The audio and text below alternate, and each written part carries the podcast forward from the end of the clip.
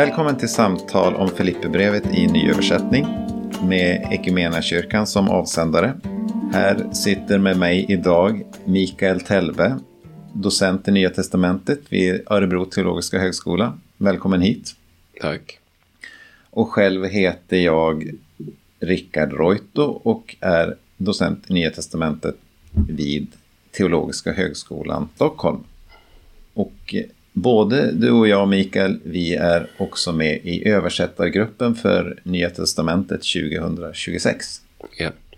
Och det är därför jag har bjudit in dig till det här samtalet, därför att du är väldigt engagerad i den här översättningen och kanske lite särskilt i översättningen av Filipperbrevet.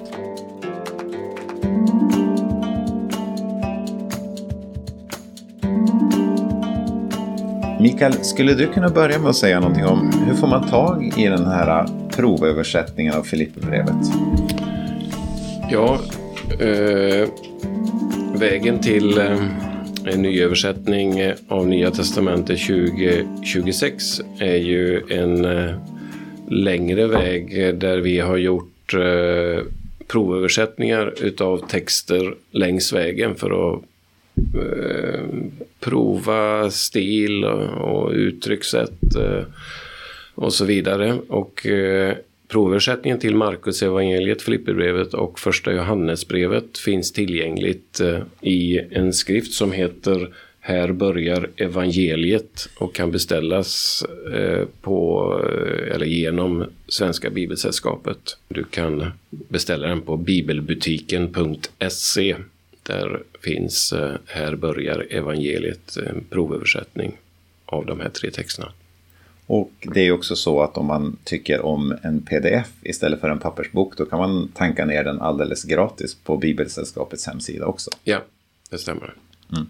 Och det är ju, kan vi ju säga redan nu att den här översättningen som har kommit nu det är inte det slutgiltiga ordet om hur det kommer se ut när eh, Nya Testamentet 2026 kommer utan det är just en provöversättning. Och eh, i avsnitt tre så ska vi prata särskilt mycket om översättningsfrågor. Mm.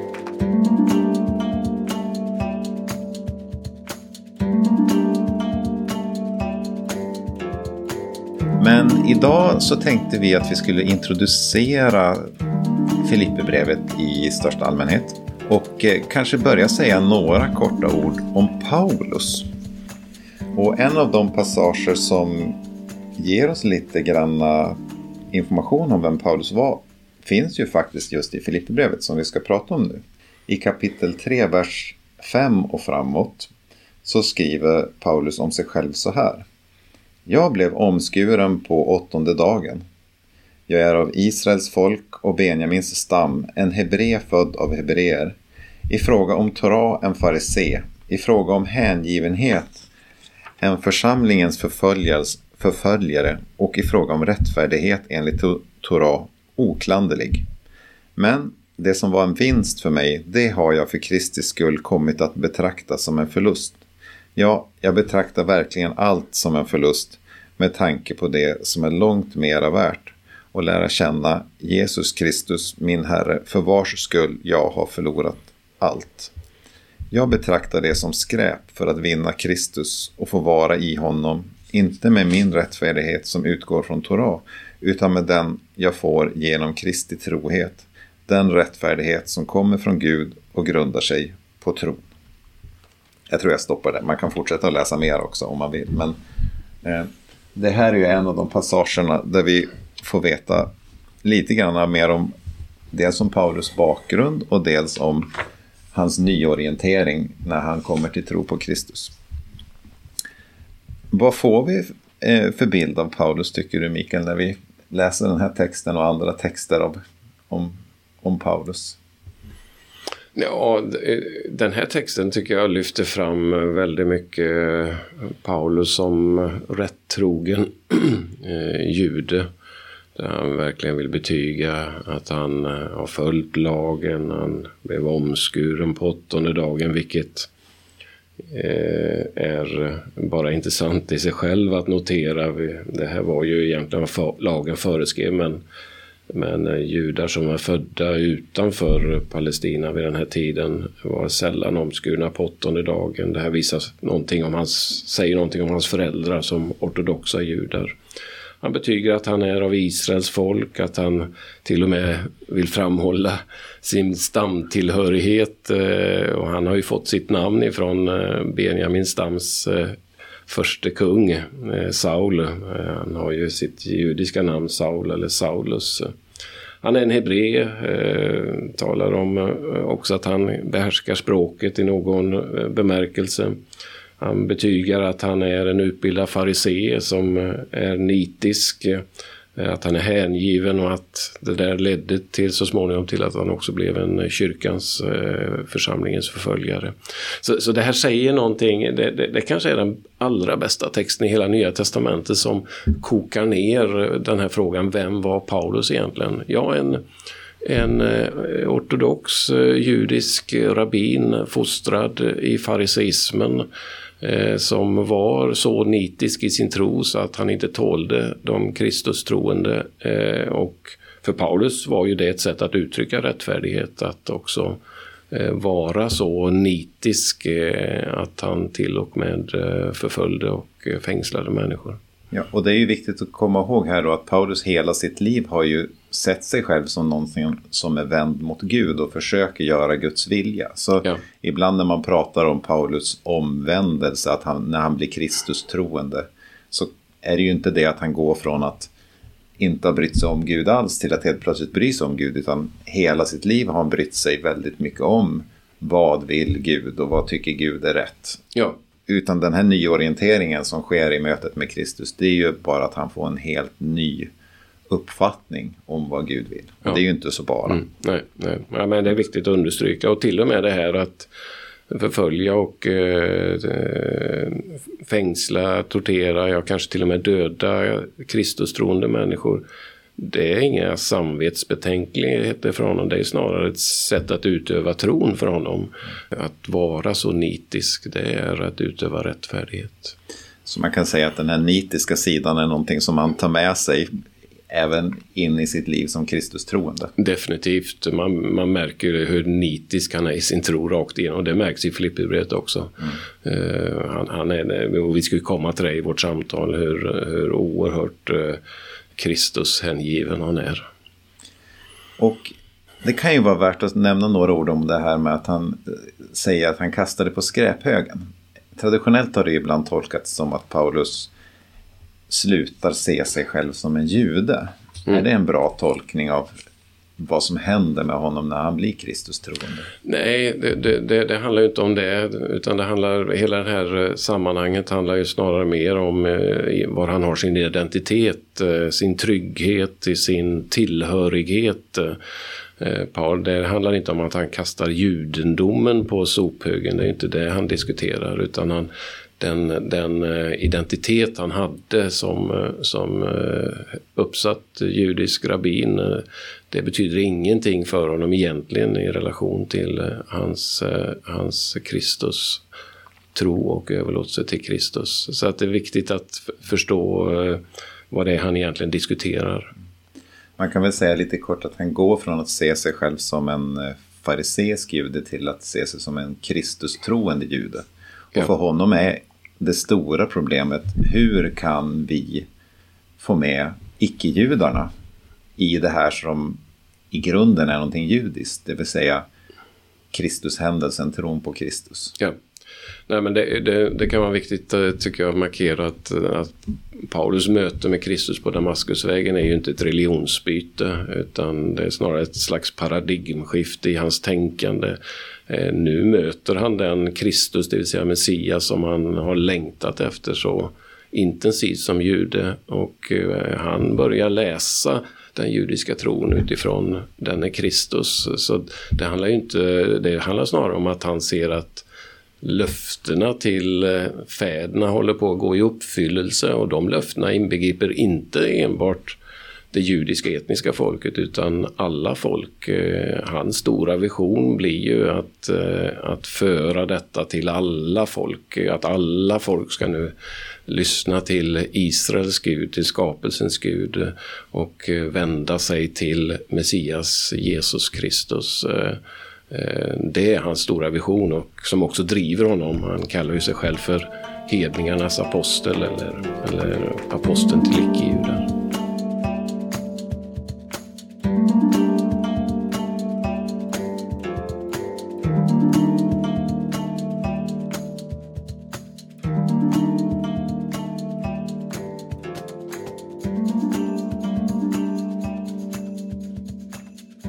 Filipperbrevet är ju ett av de brev som man skriver då till församlingar som i huvudsak består av människor som inte är judar. Ja. Så kallade, som vi ibland brukar kalla dem för hedningar. Det är ju ett begrepp som ibland har ifrågasatts men det är ändå det traditionella begreppet för icke-judar. Eh, men vad kan vi säga om eh, Filipperbrevet? Eh, vad är Filippi för stad? Ja, Filippi är en stad som vi känner till eh, som låg i Makedonien och eh, var en hyfsat stor stad eh, som eh, vid den här tiden var en romersk koloni. Man har ju det, det, är ingen modern stad som ligger där Filippi låg utan men däremot så har man grävt fram ganska mycket. Framförallt, framförallt eh, franska arkeologer började gräva på det här området eh, i mitten på 1800-talet och framåt och har grävt fram en mängd intressanta detaljer och det som kanske framförallt eh, har bekräftats är ju det vi vet vid den här tiden, nämligen att Filippi var en romersk koloni, det vill säga starkt präglad utav romerskt eh, styre, tänkande, språk, eh, sätt att eh, klä sig till och med.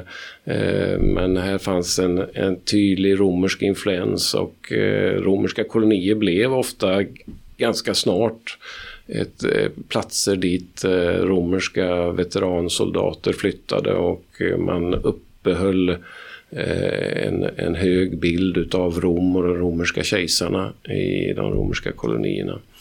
Eh, och den, den, bilden bekräftas ju av det som vi också möter i Apostlagärningarna 16 när Paulus kommer till eh, Filippi för första gången under den andra missionsresan någon gång eh, runt år 50 eller plus minus så kommer han till Filippi. Han är egentligen inte tänkt åka dit utan han är på väg åt ett helt annat håll men Eh, vi har den här texten i Apostlagärningarna 16 när han vaknar en natt och, och, eller en, eh, väcks av en, eh, en man som säger att han ska över till, till eh, åt, åt Filippi och Troas.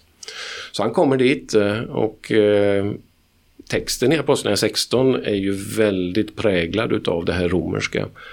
Han kommer dit, han går till det judiska bönestället Eh, och där så är det kvinnor som finns på plats där och det kommer till tro en kvinna.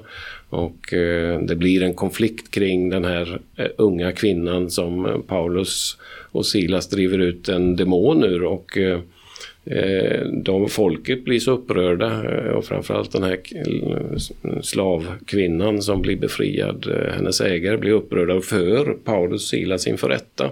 Och då står det så här, vilket är intressant att lägga märke till i Apostlagärningarna 16 och 20, att de förde dem till de romerska domarna och sa att de här männen stöl lugnet i vår stad. De är judar och de talar för seder och bruk som det inte är tillåtet för oss som romerska medborgare att anta och följa. Så det vittnar lite grann om att man satte det högt att vara en romersk medborgare. Däremot det här vad det är de talar om för seder och bruk som det inte är tillåtet för oss att anta och följa, det är lite omdiskuterat eh, exakt vad de syftar på. Eh, syftar de på Kristustron som sådan eller, eller syftar de mer specifikt på förkunnelsen av Jesus Kristus som Herre eller, eller vad, det är lite svårt att säga men det är romerska domare, det är romerska medborgare, man håller det här högt. Och det syns lite i Filipperbrevet också, den här romerska närvaron. Ja, det där, jag tycker det är väldigt intressant därför att just Filipperbrevet skulle jag vilja säga är kanske Paulus mest eh, romerskt influerade brev eh, i enskilda begrepp och uttryck. Han eh, talar till exempel i Filipperbrevet 4 och 15 till Filipperna som Filippäsioi som är ett eh, grekiskt latiniserat begrepp. Det är så man kallar sig själv i Filippi som ett, eh, ett eh, grekiskt-romerskt uttryck. Men han plockar även upp eh, vi, vi, har ju lånat från grekiskan termen polis. Eh, I grekiskan så betyder polis eller polis eh, stad. Men det finns Eh, det, det, är ett politiskt begrepp ofta och i Filipperbrevet används eh, åtminstone två sådana begrepp som bara finns just bland Paulus brev, just i Filipperbrevet. Han kan tala om att leva som medborgare, poli. Tevmaj, eller politevomai. Han kan tala om eh, medborgarskap eller hemland som politevma. Och så, eh, så, så han eh, han kan spela på de här termerna. Men han kan också prata om det romerska pretoriet i kapitel 1 och han kan eh, hälsa eh, särskilt de som arbetar i kejsarens hov som det står i Bibel 2000 i kapitel 4, vers 13. Eh, ja, och det här är ganska typiskt Paulus skulle man kunna säga generellt att han, han kommunicerar ju alltid till konkreta människor och försöker kommunicera med dem utifrån hur han vet att de tänker. Och Filipperna är ju några som han känner ganska bra. Så han vet ju att det här är ju ett språk då som, som ger anklang i deras sätt att tänka och deras eh, sociala vardag och sådär. Ja. Det är ett bra exempel på hans retoriska skicklighet skulle man väl kunna säga. Absolut. Eh, jag sa fel, det var Filipper 4 och 22 med kejsarens hov eller de som står i kejsarens tjänst. Mm. Eh, ja, det, Flipperet är ju ett typiskt eh, sånt eh, tillfällighetsbrev skulle jag vilja säga. Där han, han, någonting har hänt och han adresserar det specifika behovet. Paulus hamnar ju i fängelse tillsammans med Silas i, i Filippi. Har du, har du varit i Filippi själv och tittat? Nej, jag har inte varit. Jag har faktiskt varit där. Ja. De har utsett ett eh, hål någonstans i, okay. Ja. Som är den traditionella fängelsehålan. Ja, ja. Så kan man gå ner där, och, eller man kan i alla fall stå utanför och titta in. Och, och eh, det, är, det är ingen som vet om det var där de var fängslade. Nej, Men nej. Eh, det kan vara en kul grej ifall man råkar re resa till Filippi någon gång i sitt liv och vill se eh, något litet spår av Paulus. Mm. Även om det är fiktivt. Ja, ja. Men ja, det är ju bara en av alla gånger Paulus hamnar i fängelse. Det här brevet är ju också skrivet i en situation där Paulus sitter i fängelse. Fast då sitter han ju såklart inte i Filippi. Utan då sitter han någon helt annanstans. Vars, vars tror man att han sitter fängslad? Ja, det finns i princip tre teorier kring det. Eh, lite grann beroende på när man vill datera det här brevet. En del vill datera det i mitten på 50-talet, ja då är det eh, Efesos. Eh, slutet av 50-talet, ja då är det Caesarea. Eh, början av 60-talet, ja då är det sannolikt i Rom. Jag för min mm, personliga del tycker att det mesta pekar åt att det handlar om Rom. Men det är alldeles uppenbart att han sitter fängslad. Han säger ju det eh, i både början och eh, av brevet och eh, i sitt resonemang mot slutet av brevet att han bär bojor eller att han att eh, han, är, han talar om min fångenskap och så vidare.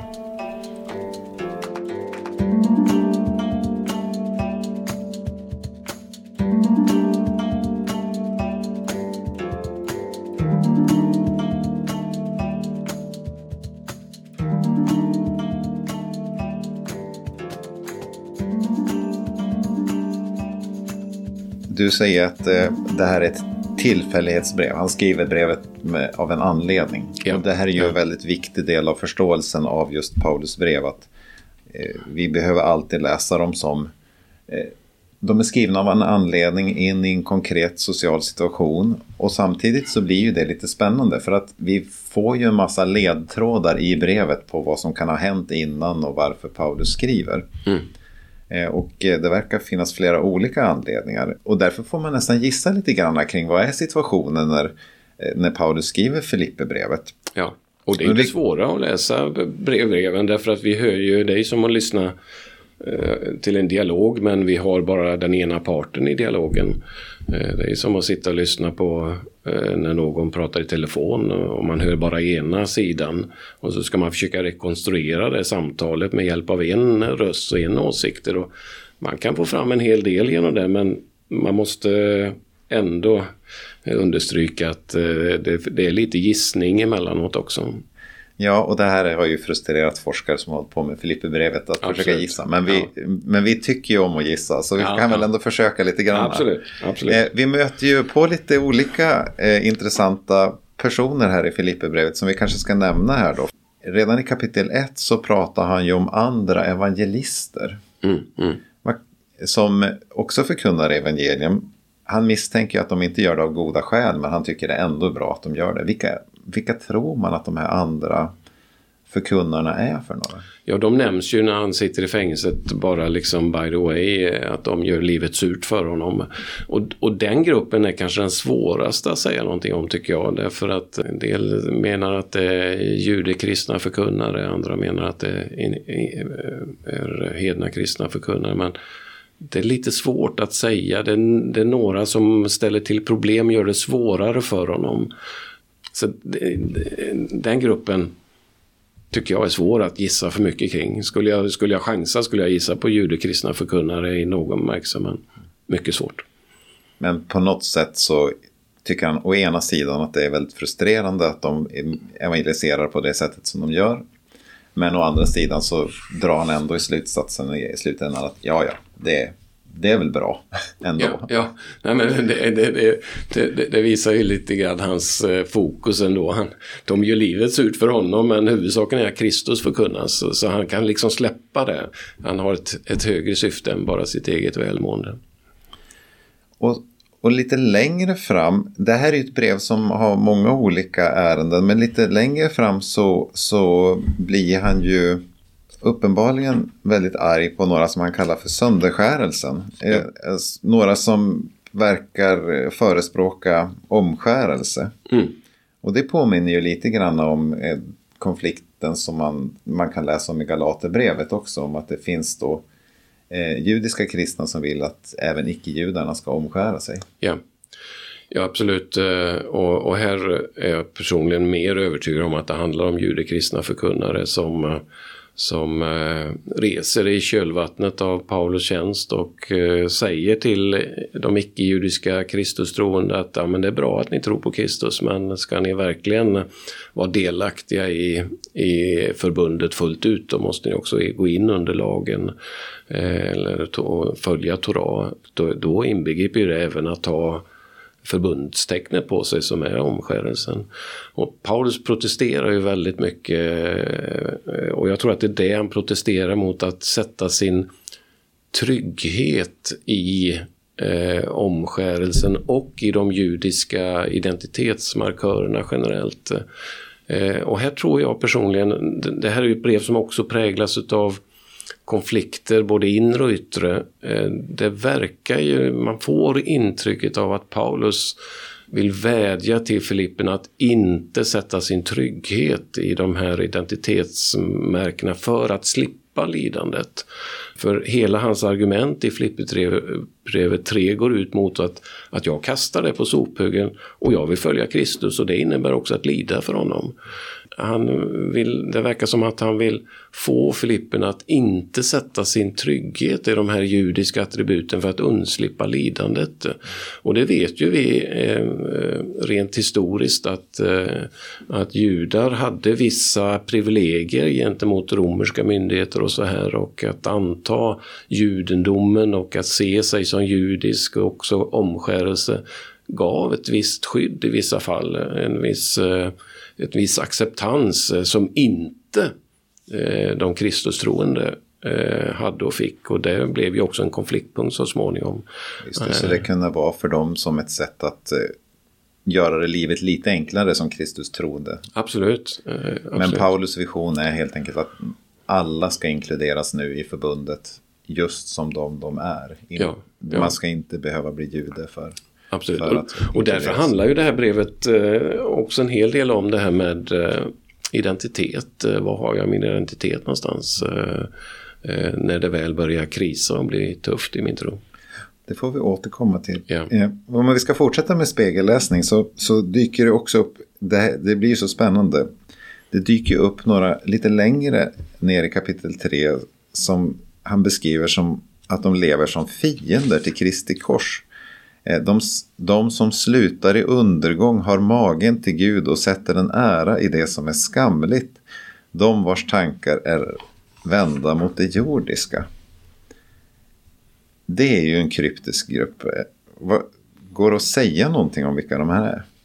Nej, jag, jag tycker nog att eh, de är lika otydliga som gruppen i eh, kapitel 1 som vi pratade om. Eh, här skulle man kunna tänka sig att han talar om eh, icke-judar eller motståndare i största allmänhet. Eh, han talar om att deras gud är buken. De får ära genom könet. Ja, det kan ju syfta på naturligtvis omskärelse men också naturligtvis på sexuella eh, utsvävningar. Eh, så det, det, där är lite svårt eh, att definitivt säga. Så man ska vara försiktig att bunta ihop de här tre grupperna vi har nämnt nu. De här andra evangelisterna, de här som man kallar för omskärelsen och de här som har magen till Gud. Det är ingen självklarhet i att man ska försöka göra dem till en och samma grupp. Nej, jag tror att eh, man kan, eh, det, man, man, får nog låta det vara det nog klokast. Det finns naturligtvis de som vill säga att det är samma grupp men det är inte alls självklart för mig. Nej, och troligen så menade församlingen i Filippi, de hade ju alla möjliga relationer till alla möjliga så det, ja. det är ju en komplex situation som vi kanske aldrig riktigt kommer kunna gissa exakt hur den såg ut. Det får Nej. vi stå ut med. Ja, absolut.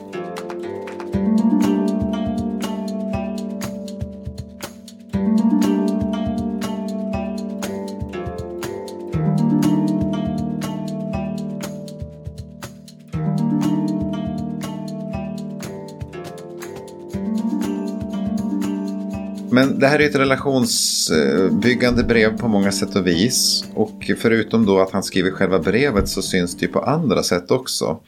Eh, till att börja med så ser man vi både i kapitel 2, vers 25 och kapitel 4, vers 18 att Epafroditos har skickats eh, mellan församlingen i Filippe och Paulus lite fram och tillbaka. Vad, vad verkar han ha spelat för roll för för relationen mellan Paulus och församlingen? Nej, men han var ju själv eh, från eh, Filippi och en del av församlingen. Eh, så att eh, han har ju församlingen oroat sig för. De hörde att han hade blivit sjuk. Eh, och han var verkligen svårt sjuk säger Paulus. Eh, men han är bättre nu. Så, så han, han, är en viktig figur i kontakter med Filipperna. Eh, Paulus har ju en väldigt god relation till församlingen i Filippi, det märker man. Jag skulle vilja säga kanske Filippi är det varmaste brevet i den betydelsen att han har så, så god relation. I flera av hans brev så har ju han en ganska knackig relation till sina adressater. Eh, typ i eh, Korinthierbreven eller Galaterbrevet eh, där han kan vara sur, irriterad, eh, irriterad frustrerad, rent av arg eh, eh på dem. Men här är det, det är en god ton och eh, han är väldigt mån om den här kontakten. Och församlingen i Filippi är ju en församling som har stött honom regelbundet ekonomiskt. Han kommer ju det till kapitel, i kapitel 4, vers 10 och framåt. Han börjar tacka för en gåva som gett av syftet med brevet. De har understött honom regelbundet eh, och eh, ha, uttrycker sin omsorg eh, och relation till Paulus på ett väldigt konkret sätt. Mm. Så, och Epafroditos är nog den som också har kommit med de här gåvorna och eh, samtidigt varit med Paulus i hans eh, tjänst. Så han kommer både med understödet och med brev? Ja, ja. För det var ju så att det fanns ju ingen eh, Postnord på den här tiden. Nej, tack och lov. Utan ville man få ett brev skickat så fick man eh, anordna sin egen postleverans. Ja, man fick ja. skicka en person som man litade på. Ja, och, och den här personen var ju inte bara brevbärare utan ofta fungerade det som som Paulus röst i församlingen. som ofta läste upp brevet och kompletterade brevet och så här. Just det, så han liksom var representant för församlingen inför Paulus och representant för Paulus inför församlingen. Väldigt viktig person. Sen nämns ju en till, en av Paulus viktigaste medarbetare, Timoteus. Han ska ju också skickas dit. Ja. Vad, vad säger det om Paulus sätt att jobba? Ja, Timoteus är ju tillsammans med ett par andra eh, eh tillhör den inre gruppen kring Paulus måste man ju säga. Vi har ju brev som är adresserat till Timoteus. Eh, eh, men, och han omnämns i inte mindre än sex andra brev som medförfattare eller att han finns med eh, runt Paulus. Eh, så att han är ju han är en väldigt viktig person och Paulus uttrycker sig otroligt varmt om Timoteus i Filipperbrevet att han är den enda eh, som liksom tjänar på det här sättet och som inte tänker på sig själv och som utger sig för andra människor på ett föredömligt sätt. Eh, Eh, jag har ingen annan med samma förmåga att känna det rätta ansvaret för er, säger han till exempel i 2.20.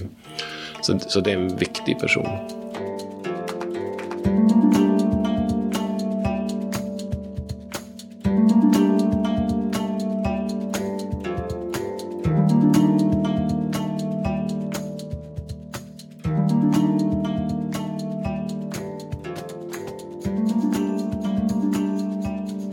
Jag tänkte vi skulle gå vidare. Eh, Filipperbrevet är ju ett sånt där brev som det kanske kan vara svårt att säga med en enda mening vad det handlar om.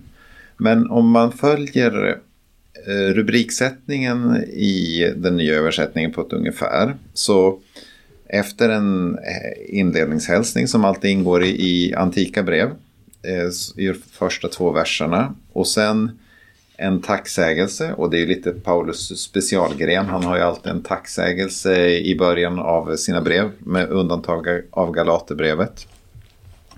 Så får vi först ett avsnitt som handlar om Paulus situation i fängelset och det är också där han nämner de här andra evangelisterna. Och sen har vi ett avsnitt som handlar om hur de ska leva kristet i samhället. Och sen så följs det av ett avsnitt som handlar om att de ska stötta varandra genom att vara Kristuslikt ödmjuka. Och sen så kommer ett ganska omfattande avsnitt där de, han övergår till att prata om att de ska arbeta på sin frälsning och leva heligt. Och sen blir han mer konkret och talar om att skicka över medarbetare. Där dyker ju då Timoteus upp. Sen kommer ett avsnitt som man skulle kunna sammanfatta ungefär med att de ska hålla fast vid sin tro. Och det är där han berättar också en del om sig själv. Och så följer han upp det med att varna för dåliga förebilder. Och sen i kapitel 4 så kommer då ett avsnitt med vad ska säga, blandade uppmaningar. Och så tackar han för gåvan och så avslutar han brevet. Det är ett ganska rikt brev. Mm. Eh, om du skulle ändå vilja säga så här. Det här handlar Filipperbrevet om. Ja, jag skulle säga kanske flera saker men eh, det är alldeles uppenbart att eh, det finns ett tema av efterföljelse. Paulus börjar med att skildra sig själv i fängelse och motståndet och hur han tacklar ett sådant motstånd. Han beskriver Kristus eh, som den som har varit lydig och lydig inte döden. Och även Timoteus och Epafroditos eh, blir två föredömen i att eh, ge sig själv för evangeliet. Och han kommer tillbaks till sig själv i kapitel 3 om att han har, att han, hur mycket han vill följa Kristus och lämna saker för att sträva framåt och för att vinna. Eh, slutpriset och så vidare. Så det handlar väldigt mycket om, eh, om efterföljelse, att eh, vandra med Kristus som föredöme. Men det handlar ju också om, att, eh, om de här yttre faktorerna som, som eh, ger det här temat att det finns inre spänningar som jag tror är orsakad av yttre spänningar. Det, det, finns ett motstånd i samhället man har stött på och det här har tacklats på lite olika sätt. Man har haft olika åsikter om det här och det finns i alla fall olika uppfattningar om, hur, om viktiga saker i församlingen. Och så, och så försöker han samla församlingen eh, kring ett slags eh, Kristusförhållningssätt eh, i allt det här. Ehm, så för mig handlar brevet mycket om, eh, om eh, Kristustron som tar sig uttryck i efterföljelse. Mm. Det är en väldigt bra sammanfattning skulle jag vilja säga.